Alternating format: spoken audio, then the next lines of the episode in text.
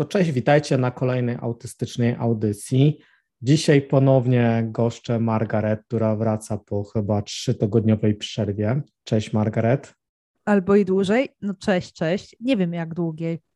No tak Próbuję jakoś obliczyć. Mhm. Próbuję obliczyć. Nie jestem dobra w obliczeniach. Dobra, nieważne. Więc e, dzisiaj będziemy dalej ciągnąć temat pracy, ale e, jakby z innym już rozmówcą, bo wcześniej rozmawiałam ze Mhm. Sylwią. I dzisiejszy temat jest autysta i zmiana pracy. I tutaj jest bardzo szerokie pole do popisu też dla Margaret, bo ona ostatnio zmieniła pracę i, O, tak. i to, co się Tak, działo tak, w ogóle tak. z tobą przez ten okres czasu, to wow. Więc od razu walimy z grubej rury. Przechodzimy do, od razu do punktu.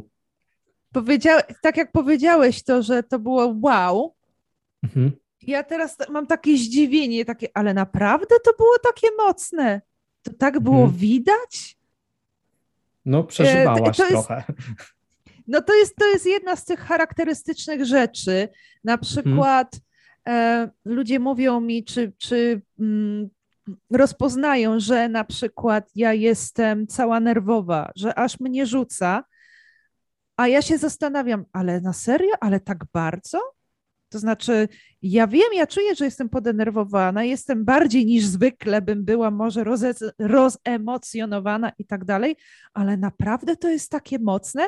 Czyli jedną z takich cech charakterystycznych przy wszelkich zmianach to jest takie coś, że choćbym nie wiem, jak chciała to ukryć, że na przykład jestem znerwicowana, że jestem zestresowana, choćbym nie wiem, jak chciała to ładnie, racjonalnie przedstawić, czyli opisać, że taka się czuję zestresowana, ale panuję nad tym i tak dalej, czyli chciałabym ten swój stres i ten swój lęk przy wszelkich zmianach przeżywać tak jak osoba typowa, czyli przeciętna, Mhm. czyli tak zwana normalna, czy neurotypowa, czy jakby to zwał, czy taki normalny, dorosły człowiek, Mhm. to po prostu się nie da. Każdy mi mówi, że latam po ścianach. Każdy to zauważa. No na przykład teraz ty zauważyłeś.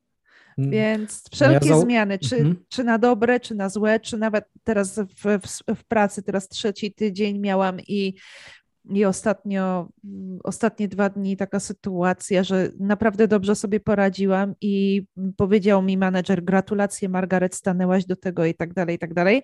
A ja takie, e, ale co?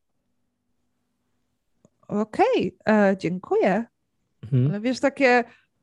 e, To znaczy, co, medal mi macie dawać? Po prostu dla mnie to jest takie. No nie wiem, co w tym niezwykłego. A z drugiej strony, no dopiero trzeci tydzień i stanęłam do, do dosyć takiej wyzwaniowej sytuacji i dałam radę. E, Mhm. Chodziło o, o po prostu o zachowanie jednego z podopiecznych i on ostatnie kilka dni miał solidne melty i solidne testowanie granic. E, I po prostu zastanawiali się, czy, czy ja. Wytrzymasz. Zapytali mnie najpierw, czy, czy ja mam ochotę po prostu na, y, nim teraz po, potowarzyszyć mu tego dnia. To było przedwczoraj. I ja powiedziałam, no ja nie widzę przeszkód, ale na Mhm. pewno i tak dalej. Wiesz, po prostu patrzyli, jak ja sobie radzę, ale nie wiedziałam nawet, że tak jakby o, o, obserwowali mnie, czy patrzyli, jak ja sobie radzę, jak ja się z tym czuję przez cały dzień. Mhm. I potem były gratulacje, że ja sobie poradziłam, że naprawdę dobrze sobie tego dnia poradziłam, że, że nie spanikowałam czy nic. A ja miałam takie, ale czemu miałabym panikować? Nie, on się zachował tym razem normalnie, nie, nie widziałam jakichś wielkich rzeczy, ale tak jak mówię, w takich wszelkich nowych sytuacjach, wyzwaniach, albo mam na wyrost emocje takie, albo nie dociera do mnie, że sytuacja jest wyzwaniowa Mhm. Nie, nie mam takiej oceny na zasadzie, co jest tutaj priorytetem w nowych sytuacjach, w nowej pracy, co jest priorytetowe, czym trzeba się naprawdę przejąć, a czym nie trzeba się przejmować, a ja się tym przejmuję. Rozumiem. E, ma- Mam nadzieję, że to brzmi sensownie. No, jak dla mnie brzmi bardzo sensownie, więc No tak ogólnie zawsze jest, że jak wkraczasz jakby nową przestrzeń, to, mhm. to potrafi cię to jakby stresować, chociaż ja zauważyłem, że mnie stresuje to, jak jestem bardzo podekscytowany jakąś sytuacją, bo coś się układa i, i jestem zestresowany wtedy, kiedy bardzo się nie układa i też reaguję na to na zasadzie bóli w klatce, czy problemy tak. ze złapaniem nagłego oddechu, bo po prostu, bo nie ogarniam tych wszystkich emocji, które się mhm. kupują. Nie? Zawsze sobie życzyłem, żeby mieć ten umysł wolkanina i, i wiesz, i trzymać te wszystkie emocje tak zamknięte w takiej bryle i, i nic jakby nie okazywać, być taką resting beach face na twarzy. Ale to, to zna wiesz... Znaczy, to by się przydawało w sytuacjach społecznych bardzo, w bardzo wielu sytuacjach, tak. Mhm. To by było super, ale niestety ja też tak nie umiem. Mhm. No ale mam wrażenie, że na przestrzeni ostatnich, nie wiem, lat jakoś udało mi się opanować pewne reakcje i, i nie reagować zbyt szybko e, i dać jakby motyw jakby na zaistnienie tej emocji i, i opóźnionej reakcji na to, co się dzieje wokół tej jakby emocji. Mam na myśli wywołanej przez jakby na przykład przez grupę ludzi. Mhm. Nie wiem, czy ta taktyka jest odpowiednia, ale może Sun Tzu o tym napisał. Opóźniona reakcja. Mhm. Na to, co się dzieje jakby wokół ciebie. Na przykład przy zmianie Wiesz, nawet pracy, nie? Bo tak. jak chodzisz nowe środowisko, no to e, masz te nowe środowisko, wiesz, pracowników, no i każdy ma jakiś swój styl pracy, odzywek, funkcjonowania. Tak, tak. No i to jest, wiesz, wchodzisz do takiego e, jakby nowego miejsca i musisz się od nowa e, uczyć ludzi. Adaptować. Tak, adaptować. uczyć się. Takie... Mhm. I to jest wyzwanie.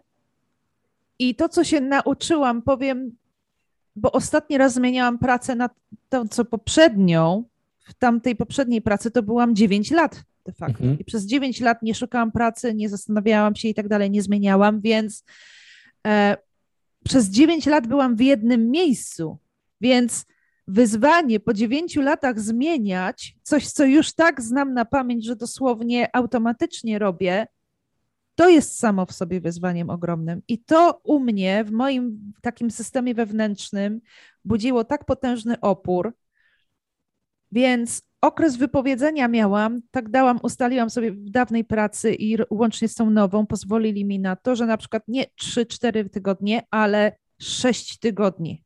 Mhm. 6 tygodni. Taki naprawdę wydłużony. I powiem ci, Paweł, że nawet te ostatnie dwa tygodnie, co dla innego człowieka to byłoby może, innego y, pracownika to byłoby znacznie za długo, że po co tak długo, ale ja czuję, że nawet te ostatnie dwa tygodnie to jeszcze było na takie doszlifowanie nawet tego oporu, mhm. żeby się jemu poprzyglądać, bo najpierw przy samej zmianie, jak dostałam tą pracę, radocha, ale zaraz pojawił się tak jakby szok dla systemu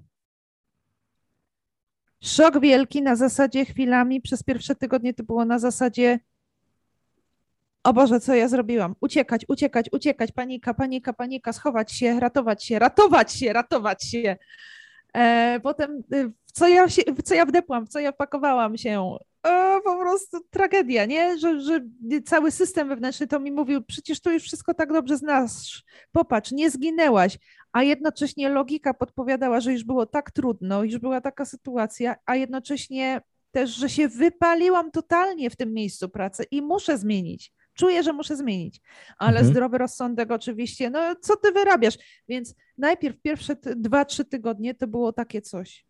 Takie coś. Jeden głos z drugim głosem. Rozsądek, jednocześnie tutaj yy, i program wewnętrzny taki, który się zasiedział i który tu się czuje bezpiecznie i wreszcie się czuje, że wie, co robi i nagle mhm. ja wpycham go w środowisko, gdzie będzie kompletnie jedno wielkie, jedna wielka niewiadoma, nieznana sytuacja, nieznani ludzie i uczyć się na nowo i to jeszcze w takiej pracy, która jest wyzwaniem praca z podopiecznymi, którzy sami swoją obecnością tworzą to wyzwanie, bo są autystyczni, są solidnie autystyczni, mają solidne swoje jakieś e, różne, oprócz autyzmu, mają inne jeszcze mm, mm, zaburzenia, bardzo solidne, nawet solidniejsze niż samo spektrum. I w tym momencie pracować z takimi dorastającymi chłopakami, no to wiesz, no to po prostu to, to jest wyzwanie. I ja, więc gdy mój program dochodził do głosu, to po prostu mi mówił nawet, ty wariatko, zmień, jak już musisz, to zmień tą pracę. Oczywiście, okej, okay, wiadomo, już ci pozwalam, ale na takie coś, czyś ty zwariowała? To jest takie coś. Jeszcze jak się dowiedziałam na rozmowie kwalifikacyjnej, że, że ja tych podopiecznych będę odwozić do ich szkoły i przywozić służbowym samochodem i przywozić z powrotem i również w inne różne miejsca tu w okoliczne, to ja po prostu takie oh, help. Wiesz, po prostu ta panika we mnie to była jeszcze większa i do tej, do tej pory po tych trzech tygodniach mogę powiedzieć, ciągle jestem świeżakiem, ciągle ten głos w głowie mówi wpakowałaś się, chociaż już tak jakby coraz, coraz mniej, bo na zasadzie potem mam taki dialog z tym głosem po każdym kolejnym dniu. Widzisz, przeżyłam. Widzisz, poradziłam sobie. Widzisz, nawet komplementy dostałam. No to się zamknij wreszcie. Mhm. Ale największe wyzwanie do dzisiejszego dnia to są właśnie te jazdy, kiedy mhm. ja, autystyk, e, który był w centrum diagnostycznym, dlatego że właśnie mój instruktor prawa jazdy mnie tam wysłał, bo zauważył, jak ja się zachowuję na drodze. I ja teraz wsiadam w służbowe auto i jeszcze jestem odpowiedzialna za tego podopiecznego, żeby go dowieść bezpiecznie. Kiedy mój zmysł orientacji przestrzennej to jest bliski zeru i bez nawigacji satelitarnej ja nie dojadę nigdzie w nowe miejsce. Znaczy, autentycznie nigdzie. I ja po prostu z tym wszystkim muszę się zmierzyć. Dwa razy już jechałam z podopiecznym, dałam radę, ale pierwszy raz to prawie, prawie skończyłam na autostradzie M4 krajowa droga. Jak zjechałaś? tak, potem się zorientowałam, coś tam źle kliknęłam w nawigacji kod pocztowy, postcode. I nagle się znalazłam na dwupasmówce drodze szybkiego ruchu i miałam już wyznaczniki, takie pierwsze znaki prowadzące na autostradę, na M4. I ja po prostu takie, a, to chyba nie, jednak nie jest droga z powrotem do Lejko. więc ja mam takie sytuacje i to było w poprzednim tygodniu jeszcze, więc wróciłam też od razu nie dostałam jakiegoś szoku czy paniki, chociaż wyszłam z takimi trochę kisielowatymi nogami z tego samochodu, ale dobra, dałam radę, nic się tragicznego nie stało. Natomiast kiedy wróciłam do domu po, po, po tym dyżurze całodziennym, czyli po pracy, to wtedy jeszcze uderzył ten program na zasadzie widzisz, przeżyłaś, ale chyba dlatego, że głupi to ma szczęście. Więc i, i potem też na zasadzie, a co będzie następnym razem, jak znowu się wydarzy? A co, jak tym razem wpierniczysz jeszcze do tego z podopiecznym na tylnym siedzeniu za tobą? I co wtedy? I wiesz, całe te scenariusze, budu, budują, bu, które się budują, nie mówiąc już o różnych sytuacjach, na przykład, co będzie, jak podopieczny dostanie tantrum jakieś, a ty sobie nie poradzisz. Więc przez pierwsze sześć tygodni, zanim zaczęłam pracować, to było przechodzić przez tą masę różnych e, informacji, czy tych różnych scenariuszy, tych wszystkich głosów, gdzie jeden z drugim był w konflikcie cały czas i po prostu przez te sześć tygodni to ja tylko potrzebowałam, żeby wytrząsnąć z siebie te wszystkie emocje, tą panikę, mhm. to wszystko z systemu i poradzić sobie z tym ogromnym oporem, który no naprawdę mnie trzymał. Więc e, ja cieszyłam się, że ja miałam te sześć tygodni. Po prostu potrzebowałam tak długiego czasu, niemal dwukrotnie długiego niż przeciętny pracownik by miał na zmianę pracy. Więc u mnie to tak działa. Jeszcze przepracowałaś 9 mhm. lat bodajże, nie? Tak, tak, 9 lat. No, Więc jedna z, tak, jedna z rzeczy, które na przykład przy zmianie pracy potrzebuję, to swój system wewnętrzny przygotowywać nawet do samej decyzji zmiany o tym, że trzeba zmienić i tak dalej, i tak dalej, nieraz nawet dwukrotnie dłużej. Mhm. I przechodzić przez te emocje, te emocje są tak mocne, one szarpią i przez ten opór dłużej. Jak również jest to spowodowane tym, że po pierwszym szoku te emocje przychodzą z opóźnieniem. I to też dlatego, nawet tu, jak w tej sytuacji, ja przywiozłam podopiecznego, nic się nie stało, wszystko było ok, ale potem przez następne dwa, trzy dni, nie od razu, na następne dwa, trzy dni, ja musiałam przepracować w sobie ten opór, że ja sobie poradzę następnym razem na drodze.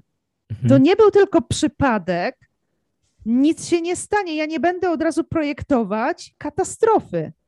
Więc dla mnie to jest nieustanna praca z tymi scenariuszami, które, wiesz, najpierw to jest też, że scenariusze nie tworzą się same od siebie. One są też generowane i napędzane tymi emocjami, więc ja muszę sobie pozwolić i pozwolić swojemu, samemu, swojemu własnemu systemowi wewnętrznemu to po prostu wytrząść i przejść przez ten szok adaptacyjny i ten okres adaptacyjny, i wtedy to się zaczyna wyciszać i scenariuszy jest coraz mniej, a jestem wtedy coraz bardziej w środowisku pracy obecna i zamiast takim, taką trzęsącą się galaretą sprzeczności i tego konfliktu wewnętrznego i tych, tego dyskursu wewnętrznego, ja się staję więcej obserwatorem, który jest obecny i może chłonąć tą wiedzę, może chłonąć informacje i może się uczyć tego miejsca pracy, może się uczyć podopiecznych, może się uczyć osób, z którymi pracuje, może się uczyć tych za, zaszłości, tych wszystkich relacji, które tam mamy w środowisku pracy. Może się na przykład, ja się mogę wtedy wreszcie zorientować, że dopiero po czasie, że zaraz, ta pracownica powiedziała do mnie te dwa dni temu coś takiego. Czemu ja wtedy nie zwróciłam na to uwagi? A to jest istotne, bo to mi pokazuje, że ona ma taki tok myślenia albo w taki sposób podchodzi w ogóle do pracy. I dopiero teraz, po dwóch, trzech dniach, na przykład mnie uderzyło, że ktoś coś powiedział i tak jakby konotacje tego i, i konsekwencje tego. Ale dlaczego po dwóch, trzech dniach? Dlatego, że wtedy to ciągle jeszcze ten system mnie tak szarpał i dopiero ja przeprocesowałam i dopiero tak jakby z opóźnieniem do mnie doszło, co się dwa, trzy dni wcześniej działo. To jest. To jest męczące. Ja wiesz, także po kilku dniach pracy, potem te dwa, trzy dni miałam tak jakby wolnego, z tego dni wolne, i ja przez te dwa, trzy dni to potem zdychałam, spałam, albo tak wstawałam, robiłam nic, albo bardzo niewiele i procesowałam, procesowałam, procesowałam. No jak wiesz, myślę sobie, że wytrzymałaś jakiejś pracy 9 lat, to i tak chyba medal trzeba ci dać. Ja najwyżej, ja najwięcej wytrzymałam pracę jakieś ze 3 lata. Miałam takie dwie prace, ale to tylko z tego względu, że miałam, że tak powiem, indywidualne stanowisko pracy. Mm. I zawsze wtedy, kiedy pracowałam, nie wiem, z jakimiś ludźmi, to nawet dochodziło do takiego momentu, że zmieniałem pracę nawet po trzech dniach, bo nie mogłem wytrzymać z mhm. ludźmi. Trafiałam na jakichś takich dziwnych, że miałem kiedyś takiego alkoholika w pracy i wiesz, A. jakieś takie, wiesz, odpalały się jakieś takie dziwne tak. sytuacje, gdzie po prostu kompletnie nie ogarniałam, jak się zachować. No i zdecydowałam po prostu po którymś tam momencie, że to nie jest dla mnie i mówiłem goodbye, nie? E, tak, więc to jest też taki ciekawy paradoks, bo e, wiesz, u wielu osób w spektrum jest to tak, jak mówisz, że co chwila zmieniają albo często zmieniają, że nie potrafią utrzymać się na jednym stanowisku, w jednej pracy dłużej. Natomiast widzisz, nie wiem, czy to jest plus, czy to jest minus, można powiedzieć, że to może być bardzo dobra cecha, ale też może być to niebezpieczne. Jeśli chodzi o, o mój przypadek, czy, czy osób takich, które po prostu próbują się zaadaptować, przede wszystkim dlatego, że boją się znowu zmieniać mhm. na nową pracę, znowu przechodzić ten mhm. proces adaptacji, znowu to samo, znowu ta wielka niewiadoma. Nie. Ja, gdy już się jakby zainstaluję i już tak, ja mam tu stałą pracę, ja mam stałą umowę, mam kontrakt, mam regularnie płacone i tak dalej. Jest to tak jakby, wiesz, to, to, to jest kwestia przetrwania. Ja czuję, że ja wreszcie mam szansę, jakby wiesz, więcej osadzić się i przetrwać. To, była, to był lęk o przetrwanie ogromny. I przez te 9 lat, powiem szczerze, ja miałam dobre w miarę warunki, chociaż ciężka praca, i na, przez te, zwłaszcza pierwsze lata, było mi to potrzebne, żeby wzrosnąć. Ja się bardzo wiele tam nauczyłam. Ale ostatni rok, zwłaszcza ostatni rok, po wielu zmianach, zwłaszcza zmianie e, właścicieli, z, z miejsca, gdzie było takie bardziej opiekuńcze i gdzie naprawdę chodziło o opiekę nad starszymi ludźmi, teraz zrobiło się bardziej korporacyjnie, a uważam, mhm. że wartości korporacyjnych z opieką nad ludźmi nigdy nie pogodzisz.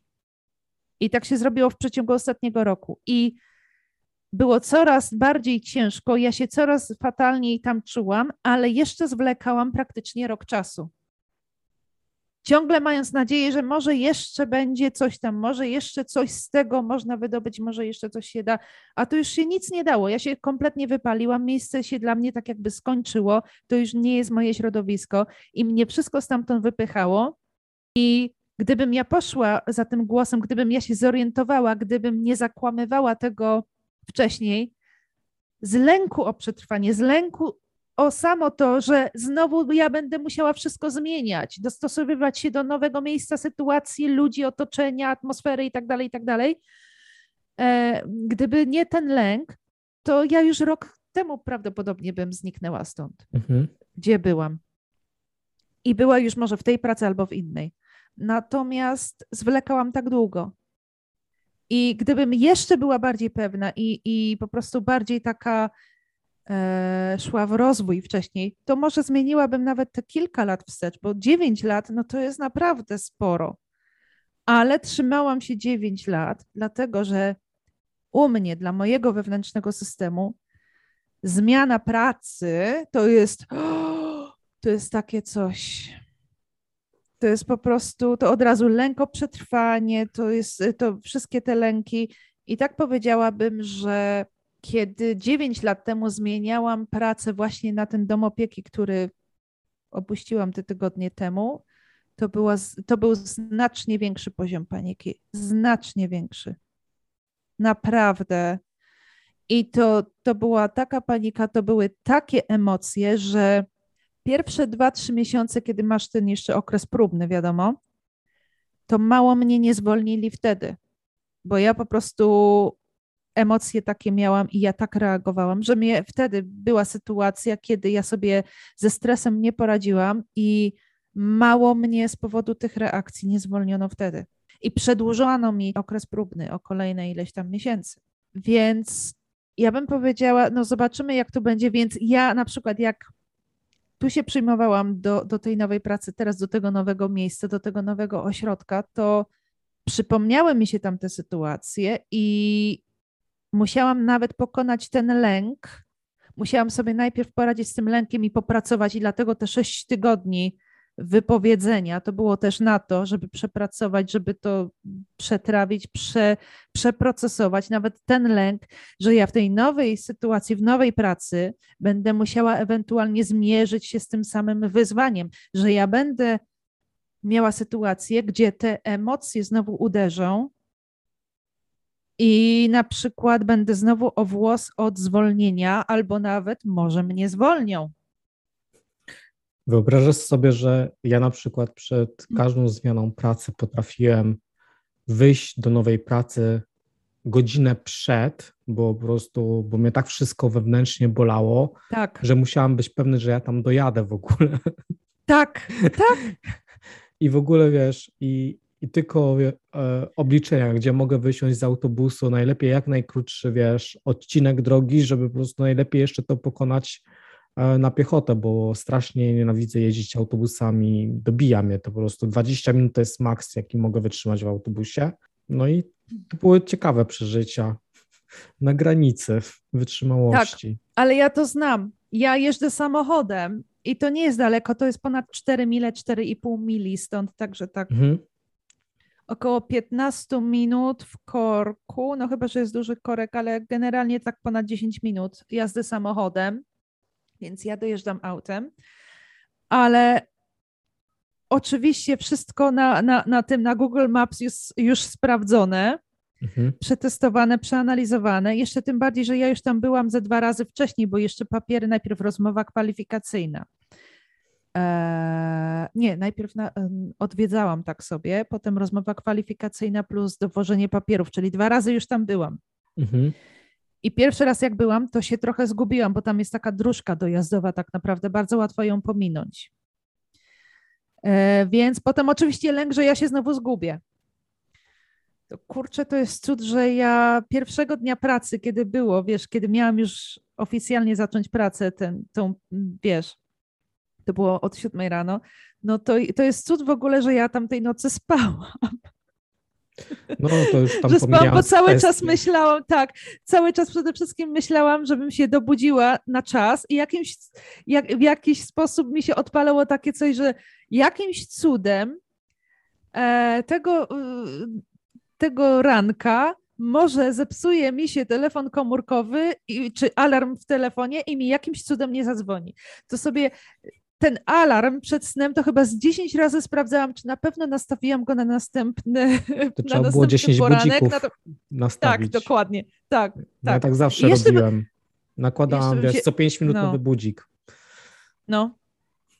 I jeszcze bym się bała, że też nie zadzwoni. Co ty myślisz? No, ja też miałam takie jeszcze, jazdy. Jeszcze, tak, jeszcze sprawdzałam, związane... sprawdzałam, czy w komórce na pewno bateria jest wystarczająca, żeby mi wystarczyło przez noc, żeby, żeby było ciągle na chodzie rano, bo inaczej jakby się wyczerpało, to mi też nie zadzwoni. To jeszcze nawet tego się bałam i sprawdzałam baterię. Mhm. No to jest w ogóle to jest ten, tak, z tak. zaburzeniami obsesyjno-kompulsywnymi to już jest w mhm. ogóle temat w ogóle osobny i inna rzeka, tak. która się łączy ze wszystkimi e, ze wszystkimi przeżyciami chyba autysty w życiu, tak. jakie można sobie wyobrazić.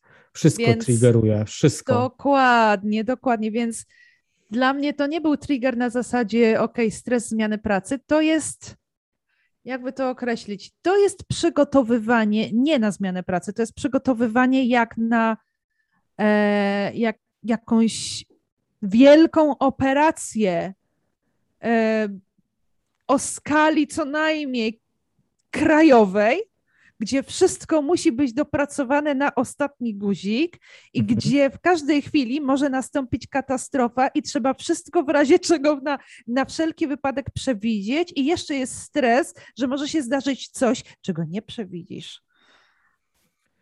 No to, to, jest, to jest mhm. ten poziom, to jest po prostu ten poziom. Mhm cały czas wiesz, musisz analizować wszystkie możliwe rzeczy i cały czas e, ta analiz, ten wnioski z analizy cały czas wpływają do mm. twojego mózgu i tworzą nowy scenariusz. Po prostu tak mózg tak. autystyczny działa, czyli po prostu analizujesz problem, z tego problemu wynika, wynikają na przykład 8, 10, 20 różnych e, możliwych rozwiązań i jeszcze z tych 20, e, wiesz, rozwiązań dzielisz wszystko na, wiesz, na, na kolejne i, i rozmyślasz tak. o tych kolejnych i potem gotowe, trzy dni nie śpisz, nie?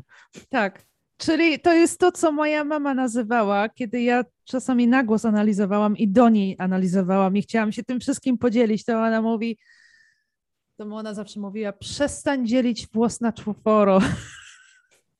To nawet wiesz, to jest to.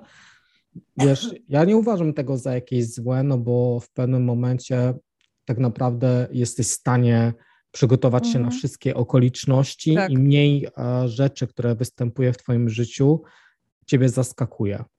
Tak, tylko tyle, I, że mhm. na samym początku po prostu jesteś bardzo wypalony, wyczerpany, mhm. bo ca- Twoja głowa to tylko myśli o ewentualnościach. Mhm. Więc te pierwsze dwa tygodnie, które inne osoby bardziej zużywają na to, żeby się znaleźć w tej nowej pracy, czyli ja tutaj przez te dwa tygodnie, wiesz, mam tak jakby patrzeć na innych, co robią, obserwować, słuchać i tak dalej, wiesz, uczyć się tego nowego miejsca, uczyć się tej całej nowej sytuacji i bardzo wielu rzeczy. E, może podłapałabym i widziałabym znacznie więcej, gdyby nie to, że tak bardzo byłam jeszcze w tej swojej głowie. A, a z drugiej strony nie, to nie jest coś, co potrafisz absolutnie zablokować, zapanować nad tym i tak dalej. Po prostu masz taki ustrój swój nerwowy. Tak, takie to jest u nas. I dlatego bardzo wiele rzeczy zajmuje mi znacznie więcej czasu. I ja powiedziałam, ja uprzedziłam ich z góry na całe szczęście, oczywiście ze względu na to, że jest to takie otoczenie pracy jeszcze z osobami autystycznymi. Ja się przyznałam do tego, że też jestem autystyczna, więc tak, zostało to zaakceptowane. Zostało Jak na to, to zareagowali? Dobrze odebrane. Dobrze odebrane. Aha, okej. Okay. Manager nie miał z tym problemu. On powiedział mi nawet, Margaret, wiesz co, wedle najnowszych badań, na przykład podobno mówi niektórzy uczeni w tym temacie specjaliści, twierdzą, że obecnie wszyscy mężczyźni prawdopodobnie, zwłaszcza młodzi do, tam do 30-40 roku życia, są autystyczni mniej lub bardziej, są w spektrum, nawet o tym nie wiedząc. Wszyscy, jak wszyscy na całym globie. Powiedziałabym, że to jest bardzo takie aż przesadzone może, ale Myślę, coś w tym tak. jest. I mhm. nawet jak widzę na tego menadżera i jak on mi powiedział, wiesz, pewne takie rzeczy o sobie, a jednocześnie sposób, w jaki on wyczuwa tych, tych młodych podopiecznych, ja bym powiedziała, że na pewno on ma coś tutaj, jakieś elementy spektrum. On może mhm. mieć. Nawet widzę, jak on papierologię ogarnia, albo raczej jak nie, nie ogarnia. E, i, I pewne rzeczy, nad którymi się skupia, i inne tak jakby muszą poczekać. Nie potrafi robić stu rzeczy naraz, a czasami jako menadżer e, jest zmuszony tak jakby z jednego do drugiego przeskoczyć i tak dalej. Widzę, jak, jak, jak wiele jest w nim spokoju i równowagi, ale jednocześnie widzę, jak pewne elementy po prostu nazywa po imieniu, że nie ogarnie naraz wszystkiego tego czy tamtego, i, a jednocześnie widzę, widzę to jego wyczucie do, do tych podopiecznych. Mhm. Widzę, że on to nie ma wystudiowane, nie, nie ma tego wyuczone, tylko on naprawdę wie, ogarnia o co chodzi, ale jednocześnie, jak mi powiedział, że ma dokładnie te same problemy, na przykład, że bez nawigacji nigdzie nie dojedzie, bo ma tak samo kiepską orientację. Do tego stopnia mówi, że jego żona się śmieje, żartuje sobie, że on się kiedyś, że on się bez nawigacji zgubi w swoim własnym ogrodzie za domem. że do tego stopnia, więc, więc on jest taki, więc przyjęli to dobrze. no, a z, jedn- z drugiej strony to jest ciekawe. Ja mam wrażenie, że przynajmniej na dzień dzisiejszy, no może tylko mi się zdawać, ale na dzień dzisiejszy powiedziałabym, że ten właśnie menadżer mnie ogarnia, rozumie. Mhm. Natomiast współpracownicy nie. I możesz, możesz od razu wyczuć, że oni są bardziej neurotypowi. Mhm. Oni, oni, wiesz, nie do końca ogarniają. E, nawet pewnymi rzeczami są zdziwieni, ale jednocześnie, jak powiedziałam to, czy tamto, to, to powiedzieli, wiesz co, Margaret, wiesz, wiesz co, to jest fantastyczne, dlatego że ty potrafisz tych, tych młodych podobiecznych, ty potrafisz tych chłopaków szybciej zrozumieć i nawet możesz pewne rzeczy y, nam wyjaśnić, które my po prostu obserwujemy i nas dziwią, a ty możesz określić, dlaczego to czy tamto. Mówią, to jest fantastyczne, więc ja się znalazłam w tej sytuacji, gdzie środowisko tak naprawdę mi sprzyja, sprzyja temu, że ja jestem w spektrum. Mało tego, ja mogę tutaj wręcz zrobić z tego swój atut. Mhm.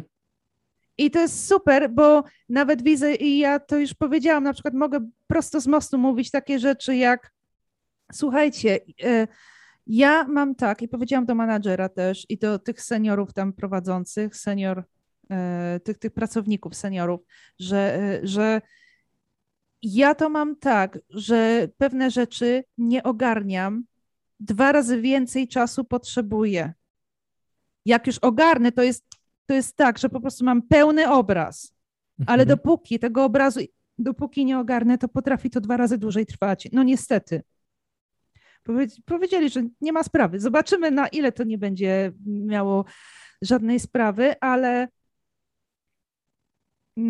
ale jest, jest to fajne, więc jeszcze program mi tak jakby mówi, że to nie jest tak fajnie, to, to wiesz, jeszcze zobaczysz, jeszcze się przekonasz.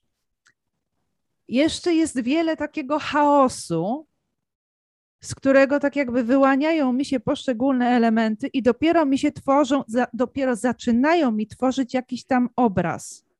Przez pierwsze dwa tygodnie to było tak, jakbym weszła w jeden wielki burdel, jeden wielki chaos, gdzie jest takie, e, ale co się dzieje?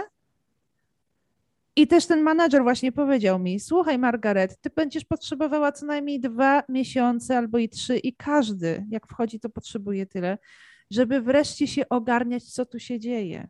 Więc mówi, ty za dużo od siebie wymagasz. Mówi, nie bądź taka perfekcyjna, daj sobie czas. I ja po prostu czuję, że ja z tym menedżerem, ja z tym człowiekiem mogę, bo on ogarnia, on rozumie.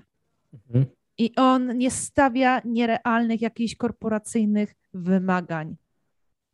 Więc, więc z jednej strony takie mam, a z drugiej jeszcze ten program, który wiesz, oczywiście wyszukuje, że coś tu na pewno jest nie tak, albo ty, ty, jeszcze zobaczysz, ty jeszcze zobaczysz, oni tak tylko mówią, więc to ciągle jest takie na dwoje, to, to jeszcze takie jest, ale już bardziej przeważa ten pozytyw. Przeważa nawet to, kiedy, nawet, wtedy, kiedy jest pewien brak komunikacji, że ktoś coś zapomniał mi powiedzieć, potem wyszło to czy tamto, miałam takie sytuacje i się sfrustrowałam, ale ciekawe, na przykład senior zapomniał o czymś tam, zapomniał mnie powiadomić, czy menedżer zapomniał mnie powiadomić, że jakiś jest tam meeting, czyli takie spotkanie jakby przed pracą i, i myśmy się zgromadzili. Ja mówię, ja o tym nic nie wiedziałam. To mówi, a przepraszam Margaret, ja zupełnie zapomniałem o tym, że nie zostałaś powiadomiona.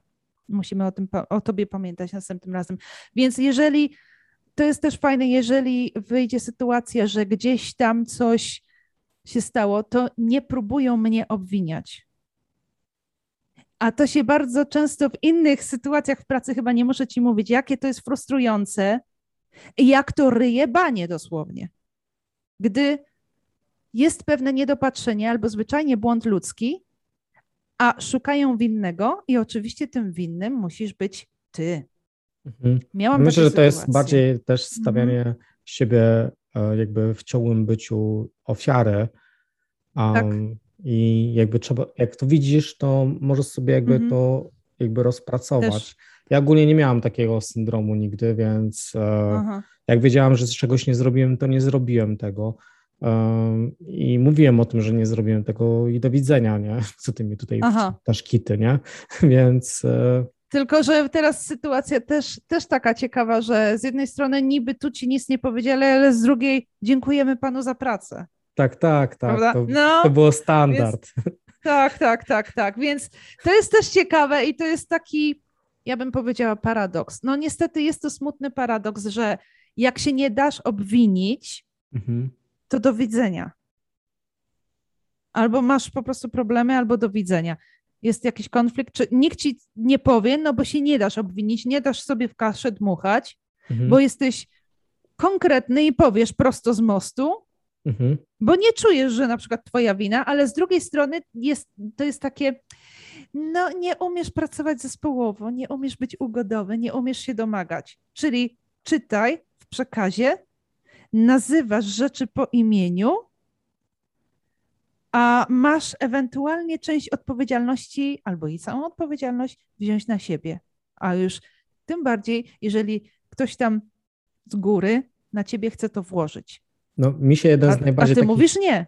Mi się no. najbardziej podobał taki tekst, jaki, jaki, jakim żonglowali, że tak powiem, pracodawcy w Polsce, zanim wyjechałam do UK, że na, na twoje miejsce jest. E, o, to, to tak. tak. Na twoje miejsce mhm. jest kilku pracowników, więc jak ci się nie podoba, to do widzenia. A, a, ja zawsze odpowiadałam, no ale przecież jak ja pójdę, złożę papiery do nowej pracy, to tam też jest miejsce dla mnie. Dlaczego ty uważasz, że ja muszę być tutaj? To nie ogarniałam w ogóle tego tekstu. Genialne, no, no, Przecież dokładnie. Tak samo, wiesz, może pracodawca z innej pracy czekać akurat na mnie, no bo będę miał takie, nie wiem, a nie inne skille, które pomogą jakby funkcjonować. Ja w sumie, wiesz, jeżeli chodzi o, o pracę, to ja myślę, że znajdowałam się w jakichś nowych pracach, wiesz, pomimo tego stresu, jaki to generowa mm. generowało, e, dosyć w miarę w sumie dobrze. Mhm. E, I, I lubiłam wiedzieć, jakie mam e, zadania, i te zadania sobie układałam w czasie i je, wiesz, tak. starałam się wykonać bardzo szybko i denerwowałam się na innych, że są wolni, od, wolniejsi ode mnie albo robią to w jakimś innym systemie. Jeżeli wiem, że ten system jest po prostu idealny, to oni to psują tą całą. Ja mógłbym sobie tak. to tak jakby przyrównać, właśnie dzisiaj myślałam o tym i e, kiedy właśnie E, ta twoja ulubiona Seven of Nine, czyli 7 z 9 w Star Treku wchodzi w ogóle, wychodzi z tego swojego kolektywu Borgów, z tych maszyn i wchodzi między ludzi, to tam jest e, przez praktycznie cały ten sezon, jest cały czas ona walczy z tymi ludźmi i próbuje ich ustawić niczym te maszyny tym kolektywie, z którego wyszła. tak. I, i, i, I na przykład mówi, że ty z takim odznaczeniem numer tam 47 wykonujesz te czynności o 3 minuty wolniej niż e, powinieneś, nie? E, popraw się, o nie? Boże. Na, i, i, to, już, to już wiem, kto założył korporację. Tak, i myślę, że ja byłem właśnie takim człowiekiem e, ogólnie w, w miejscu pracy, gdzie potrafiłem zwracać komuś nie, uwagę, Boże, jak ty mnie irytujesz, jesteś tak wolny, tak nie lubię z tobą pracować, wolę tak to zrobić samemu. I, i, mm. i mhm. byłem jakby z tego względu rodziły się konflikty. I, no. no i nie, nie ukrywam, że zawsze lubiłam pracować sam i w grupie to mi nigdy nie wychodziło. I, i przeważnie właśnie z tych konfliktów musiałam głównie zmieniać pracę, gdyż mm. lądowałam zawsze gdzieś tam na dywaniku, kompletny e, nie miałam w ogóle jakiegokolwiek strachu i takiego zatrzymania się przed swoim przełożonym, jakimkolwiek. Potrafiłem wyłożyć kawę na ławę, co mi się nie podoba, e, wiesz, gdzie coś tam nie funkcjonuje, jak powinno funkcjonować i nie patrzałam e, się na jakiekolwiek konsekwencje. Nawet do takiego stopnia, że tutaj byłem w UK nazywany, że jestem po prostu totalnie rude Polakiem. rude. Czyli no, taki nie, niegrzeczny. niegrzeczny, coś w tym stylu, taki ordynarny wręcz tam coś. Taki, Ale ja nie wiedziałam mm. żadnej ordynarności. Po prostu jeżeli wymagasz ode mnie i, i mam płacone za jakąś pracę, no to no nie wiem, róbmy tak. coś takiego, wiesz, żeby to fajnie, płynnie szło, a nie w sposób męczący, bo ja nigdy nie potrafiłem zrozumieć tych mhm. takich przełożonych, którzy po prostu tak przychodzą do tej pracy po to, żeby wydać ci jakieś polecenie, a robią to w taki sposób, jakby e, w ogóle nie chcieli z tobą rozmawiać na przykład. Tak. I mówią to nawet nie patrząc na ciebie, piszą ci na kartce na przykład, co masz zrobić i, i mają ciebie jako człowieka, jako taką istotą, istotę jakby żywą, jakby gdzieś. I właśnie no. to jest ten taki syndrom właśnie tego szczura korporacyjnego, który po prostu, wiesz, e, moim zdaniem prawie 70% kadry tej takiej menadżerskiej kompletnie nie nadawała się na te stanowisko, które wykonywała. Takie jest moje. Prawdopodobnie zdanie. tak było. Mhm. Prawdopodobnie mhm. tak było. Natomiast jest tu to, to, co poruszyłeś tutaj, czynnik ludzki, albo raczej czynnik tych relacji. To jest ogromne wyzwanie w pracy. Na przykład ja przez te 9 lat bardzo się nauczyłam takich różnych relacji w zespole, w grupie, Nauczyłam się bardzo wielu rzeczy nie brać personalnie i bardzo wielu rzeczy, nauczyłam się też wiele rzeczy dostrzegać. A jak się nauczyłam te rzeczy dostrzegać, to powiem szczerze, bardzo wiele rzeczy mnie też zadziwiło. Że w ogóle ludzie potrafią jakimiś, na jakieś drobnostki takie zwracać uwagę, albo w ogóle być przewrażliwieni na takich, w takich dziwnych, na, ta, na, takie dziwne duperele, w takich dziwnych sytuacjach, albo tworzyć takie dziwne sytuacje, tworzyć jakieś takie środowisko pracy, gdzie jeden przez drugiego, jeden za plecami drugiego. W ogóle dla mnie jest to takie mm, do dzisiejszego dnia takie jakieś nie wiem, to jest takie nie moje. Nie umiem i nie umiałam nigdy jakoś do końca tego przyswoić sobie. Mhm. No ja nie umiem. Dla mnie to jest bezsensowne. Tak, dla mnie to jest bezsensowne. Natomiast teraz jestem w, w takiej sytuacji. Dzisiaj nawet sobie zdałam sprawę, po tych dwóch, trzech tygodniach w tej nowej pracy. I właśnie to jest jedno z tych największych wyzwań, gdzie ja wiem, że wejdę w nowe środowisko pracy i będą ewentualnie takie różne układy, układziki, będą nawet nie te układy, nawet jeżeli menedżerstwo, po prostu menadżer jest taki, że on to ukróca, że on jest ponad to i tak dalej, naprawdę fajnie zawiaduje, widzę, że ten fajnie zawiaduje, ale mimo wszystko tak ludzie między sobą jakieś takie mają zaszłości, mają te swoje różne rzeczy i używają tego w pracy. Jakby stosują to na innych, co dla mnie jest kompletnie bezsensowne i ciągle tak jakby zderzam się z tym i,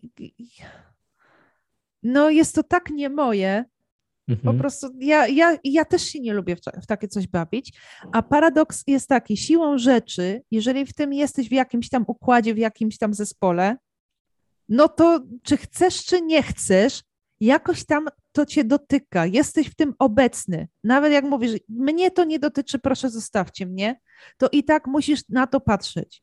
Musisz obserwować konsekwencje, musisz obserwować te mechanizmy tego.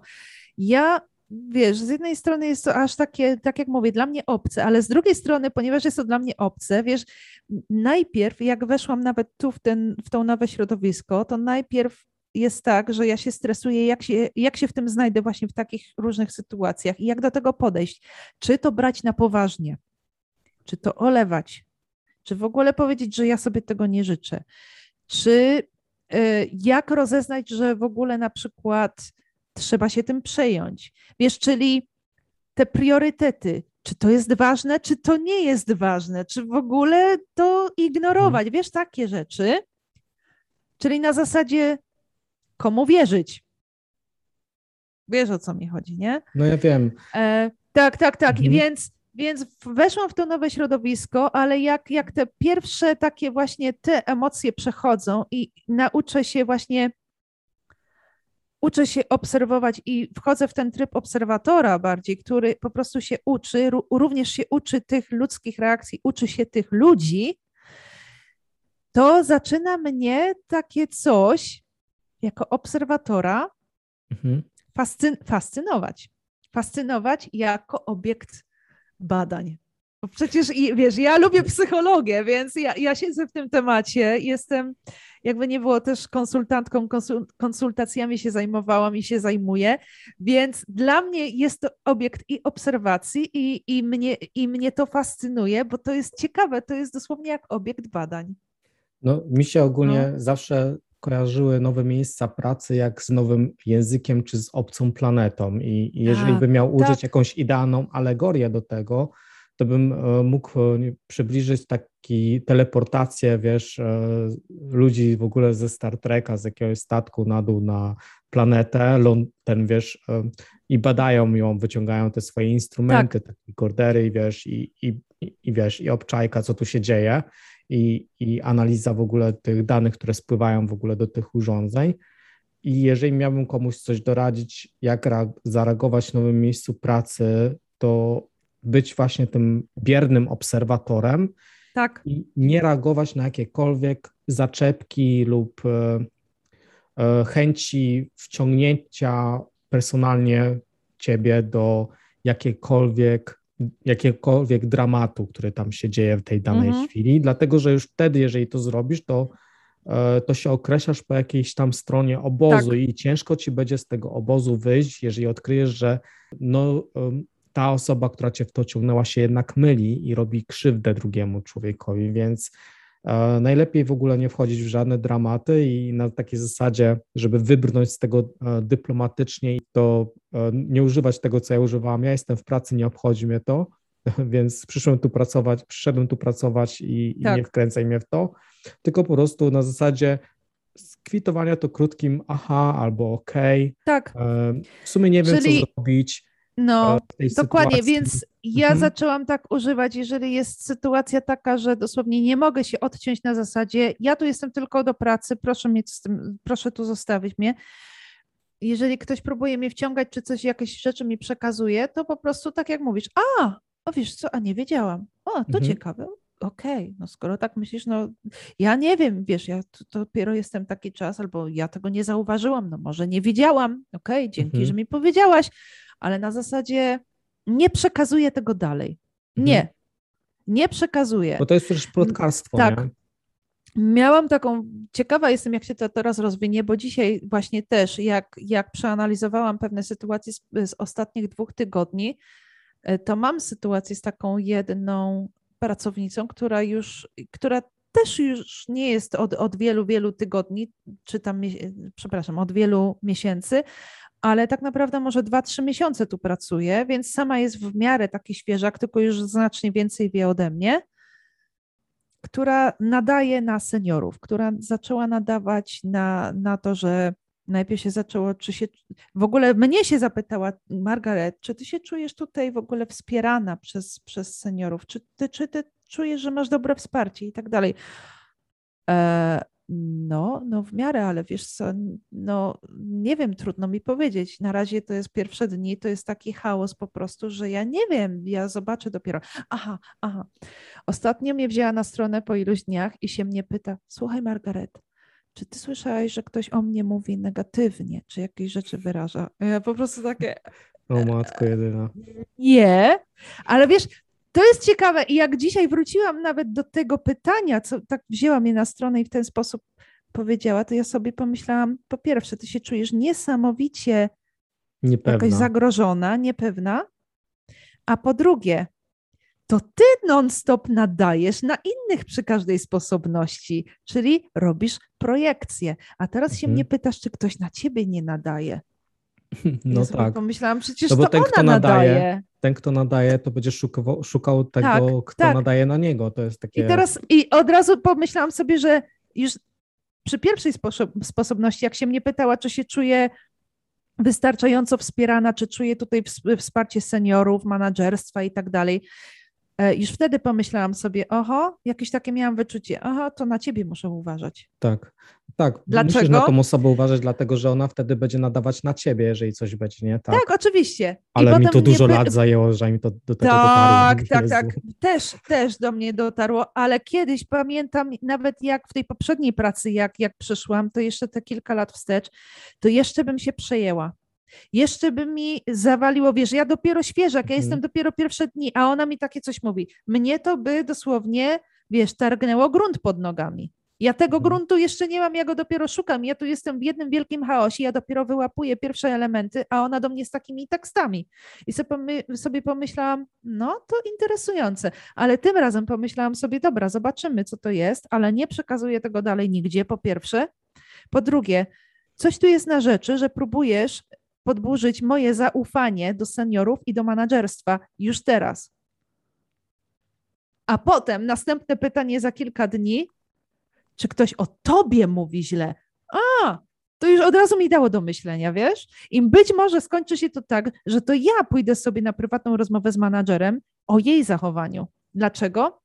Dlatego, żeby na przykład za, przez samo to, że ona mnie brała na stronę i robiła taki wywiad środowiskowy, mhm. nie? W cudzysłowiu, to potem, żeby ona na mnie nie donosiła czegoś. Ja muszę po prostu ewentualnie, jeżeli to się znowu powtórzy, będę musiała się zastanowić nad tym, żeby bezpośrednio nie pogadać sobie z menadżerem, bo z nim mogę. Ja widzę, że to jest osoba, z którą mogę pogadać, bo on się nie bawi w jakieś takie cyrki. Ale właśnie, no, no tak jak mówię, są w nowych y, firmach, w nowych sytuacjach, w nowych miejscach pracy takie wyzwania, które i, i czasami nie wiadomo, czy sama praca jest wyzwaniem, czy takie relacje zespołowe. No, I ja tak jak, tak jak mówisz, zajęło mi to też dużo. Mhm. mhm. Wychodzę z tego czasu. założenia, że trzeba bardzo uważać na takich ludzi, którzy e, tak. wprowadzają tyle chaosu wokół siebie, dlatego że oni są tak jak, nie wiem, e, taki przysłowiowy sztuczny tłum i po prostu, wiesz, wchodzą ci z takim zamieszaniem i mhm. I wprowadzają tak. taką totalną w tobie niepewność, bo w sumie nie wiesz, jak zareagować i, i lepiej w takiej sytuacji właśnie unikać i, i nie mówić o nikim, bo zaraz cię posądzą o plotkarstwo, tak. nie? Więc Wiesz, za, zalecam podobna... nie robienie tego. Tak. E, kilka lat wstecz, jak jeszcze pracowałam w tym poprzednim domu opieki, mhm. właśnie była taka osoba, była taka opiekunka, która dosłownie sugerowała, że menedżerstwo domu opieki robi skandaliczne rzeczy że z powodu tego, że niedługo tu komisje będą, będą tutaj jakieś śledztwa y, znaczy prowadzone, czy tam choroba wiecowie, że jakieś te inspekcje z CQC, czyli tego z, z Quality Commission, tam Care Quality Commission, czyli tych, co zawiadują opieką i tak dalej, co, co sprawdzają, czy wszystko jest ok w domach opieki, że będzie, że, że może być tu inspekcja, że wiesz, takie rzeczy. Zaczęła robić, nie tylko mówiła to mnie, ale mówiła też innym do mhm. mnie potem przychodzili, na przykład podchodziły inne opiekunki i mówiły, słuchaj, ja słyszałam, że takie rzeczy, że to, że tamto. Ja mówię, wiesz co, ja nic nie słyszałam. Mówię, nie wiem o, o co chodzi, nie wiem, kto to rozpowszechnia, ale ja takiej atmosfery tu nie czuję. Z, z mojej perspektywy wszystko jest fajnie. Ja mówię, wiadomo, jest to ciężka praca i tak dalej, jest to wyzwanie, ale czy możesz powiedzieć, że ty sama czujesz coś takiego, że się spotkałaś od menadżerstwa, czy tam od przełożonych z tym czy z tamtym? No nie. No to mówi, no to o co chodzi? No zobaczymy, jak to będzie. Nie, nie histeryzujmy na razie. Więc ja innych współpracowników, inne współpracownice zespołu później uspokajałam z powodu jej jednej. Ona mało nie skończyła dyscyplinarką. Mhm. Po prostu podziękowali jej za pracę i tak dalej, wypowiedzenie i tak dalej, ale nawet na okres wypowiedzenia e, ona miała zakaz e, zakaz pojawiania się w miejscu pracy. Woleli jej zapłacić za te, nie wiem, dwa, trzy tygodnie, czy tam ile wypowiedzenia za ten okres, czy tam jakoś to załatwić, niż żeby widzieć ją w pracy, bo ona robiła taką atmosferę, jakiegoś nie wiadomo, skandalu, jakiegoś takiego, nie wiem, wiesz, yy, nadała do, nadawała do współpracowników na menedżerstwo albo yy, na jakichś tam innych współpracowników, więc zrobiła okropną atmosferę, okropną robotę. I jak teraz miałam tą sytuację z tą współpracownicą, to od razu mi się tamten przykład przypomniał. Mhm. I w ogóle nie wzięłam tego na zasadzie, oho, ja się tu już od ciebie zdystansuję. Dlaczego? Bo mam to doświadczenie. Ja wiem, do czego to może prowadzić. I ja nie chcę w tym brać udziału. Nie chcę. Ja nie chcę być pionkiem w czyjejś grze, na czyjejś szachownicy.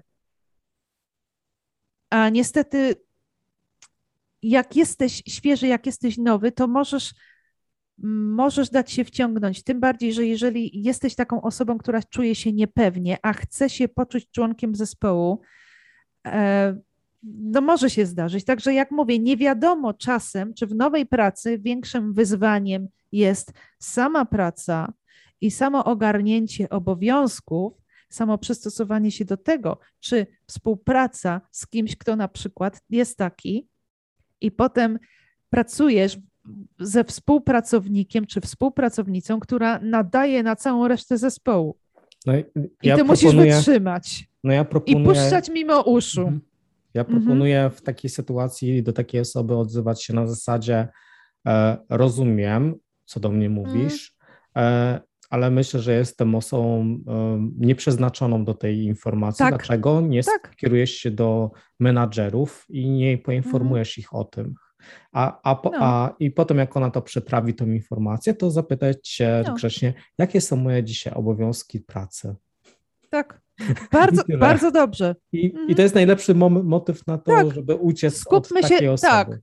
Skupmy się na tym, co trzeba zrobić, Mhm. A jak masz jakieś wielkie kwestie, wielkie, jeżeli nadal masz jakieś wątpliwości i tak dalej, ja nie jestem autoryzowana, żeby to rozwiązać. Mhm. Idź z tym do menedżerstwa, bo ja tutaj mhm. nic ci nie pomogę i tyle. No ja zawsze mówiłem, ja jestem niżej teraz od ciebie, no, więc ty możesz mnie no uczyć, no dokładnie. a nie jestem tutaj od rozwiązywania jakichś problemów relacyjnych, więc przejdźmy tym, do następnego tym bardziej, tematu. Tym bardziej, że taka osoba, czy ty się przejmiesz, czy nie, po prostu próbuje przerzucić na ciebie jej własne mhm. jakieś tam problemy, czy jej własne cokolwiek to jest, e, przerzuca na ciebie. Dlaczego ty masz to nosić? Przecież to nawet nie jest twoje, to jest jej problem. I potem ja mam przychodzić do domu cała obciążona, cała rozedrgana. Nie, nie, nie, nie, nie. nie. Mhm. No, ale wiele lat mi to zajęło, żeby dojść do tego punktu, o którym teraz dzisiaj rozmawiamy. I naprawdę współczuję wielu osobom, które do tego punktu Też jeszcze dochodzą. Zajęło. Też mi to zajęło, tak. Mhm. Jeżeli, jeżeli na przykład z czymś się zmagacie, na przykład w jakimś tam miejscu pracy, to napiszcie w komentarzach. Mhm. Na pewno są ludzie, którzy przeszli, przeszedli, przeszli, przeszli. Przeszli. E, przez e, pewne sytuacje w swoim życiu i na pewno coś Wam doradzą, lepiej lub gorzej. Każdy i tak lepiej się uczy na swoich błędach tak naprawdę i to jest najlepszy nauczyciel własne błędy przejść i przeanalizować. Myślę, że tak przerobiliśmy ten temat, że jakoś tak. w tej sytuacji nie mam mhm. jakby nic więcej do dodania. Czy ty masz coś do no. dodania? Ja mogę jedynie tyle dodać. To, mhm. co ja musiałam się nauczyć i ciągle się uczę, i teraz widzę, najpierw w nowym miejscu pracy mam taki odruch, że ja chcę wszystko ogarnąć od razu i chcę wszystko zrobić perfekcyjnie, a jak nie zrobię perfekcyjnie, ojejku, to mnie zaraz zwolnią. To ja mhm. ryzykuję, że mnie zwolnią że ja jestem do niczego, że sobie nie poradzę, że spowoduję jakąś katastrofę. Cokolwiek by to nie było. I ja to też, co przez sześć tygodni musiałam tak jakby przygotować się do tego mentalnie na okresie wypowiedzenia, to powiedzieć sobie, że tym razem będę obserwować ten swój własny perfekcjonizm. Mhm. Żeby on mnie potem nie smagał żebym nie szła od razu w tą całą, wiesz, w to całe podejście, że ja muszę być perfekcyjna. Zresztą ciągle gdzieś mi się tam odpalało, dlatego menadżer, który mi powiedział, słuchaj Margaret, ty nie, nie będziesz wszystkiego od razu i tak wiedziała. Daj sobie czas, spokojnie, masz na to całe tygodnie i miesiące.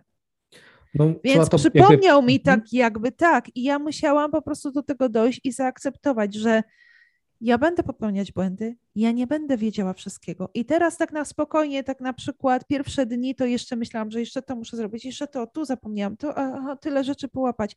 A teraz tak na zasadzie nawet czegoś tam nie dociągnęłam, czegoś nie dopilnowałam, czegoś tam nie napisałam w tym, e, w jakiejś dokumentacji. Nie, nie szkodzi. Świat się nie zawali. Naprawdę zaczęłam ten ostatni teraz tydzień dochodzić do tego, świat się nie zawali. Gdzieś tam pomyliłam drogę, ale wróciłam na właściwą. Wiesz, nic się nie stało, świat się nie zawalił. Wszyscy są bezpieczni. Nie ma sprawy. No jeszcze taką dygresję zrobię, że przeważnie jak szukam jakiejś nowej pracy, to e, znajdowałem jak najwięcej informacji o tym miejscu, jak już szedłem na, e, jak to się nazywa, na rozmowę kwalifikacyjną. Tak. I, I naprawdę to może bardzo mocno pomóc jeżeli zbierzesz te informacje i sobie na przykład je wynotujesz, co to jest za firma, czym ona się zajmuje, mhm. nawet gdzieś e, poszukać jakiejś opinii, jak te rozmowy przychodziły, już e, można to spokojnie wygooglować e, w dzisiejszych czasach. Tak.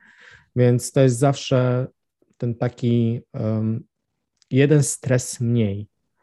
A co do tego właśnie, co ty mówisz um, odnośnie że próbujemy być zbyt perfekcyjni w jakimś miejscu tak. na początku, po prostu nie ma sensu się tym stresować, że, że czegoś nie wiesz, bo właśnie twój okres próbny trwa tyle, a nie, e, a nie tyle, tak. żebyś mogła się dowiedzieć e, o tak. wszystkich niuansach, które po prostu Dokładnie. czekają na ciebie w tej pracy, więc po to masz ten, po, po to podpisujesz tą pierwszą część umowy, która się nazywa okres, okres próbny. próbny. Nie podpisujesz od razu Dokładnie. na trzy lata i musisz wiedzieć, mhm.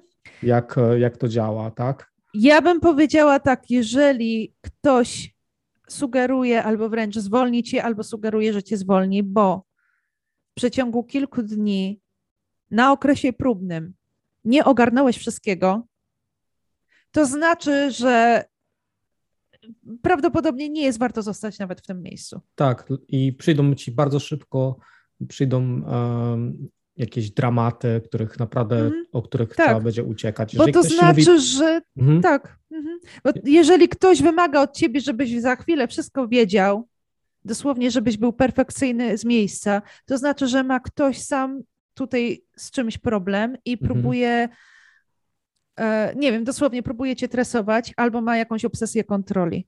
Mhm. Więc nie ma wielkiej straty. Dokładnie tak. Szanujcie się też w miejscach pracy i, mhm. i, i, nie dajcie sobie e, za mocno wchodzić na głowę. Tyle jakby mógłbym powiedzieć od siebie. Mhm. Więc e, dzięki w ogóle za dzisiejszą rozmowę. I Dzięki oczywiście też. sekcja komentarzy jest do Waszej dyspozycji. Dzięki za wszystkie ostatnie subskrypcje. Wszystkie linki do kanałów Margaret umieszczę w opisie. I na dzień dzisiejszy życzę miłego dnia. Miłego dnia.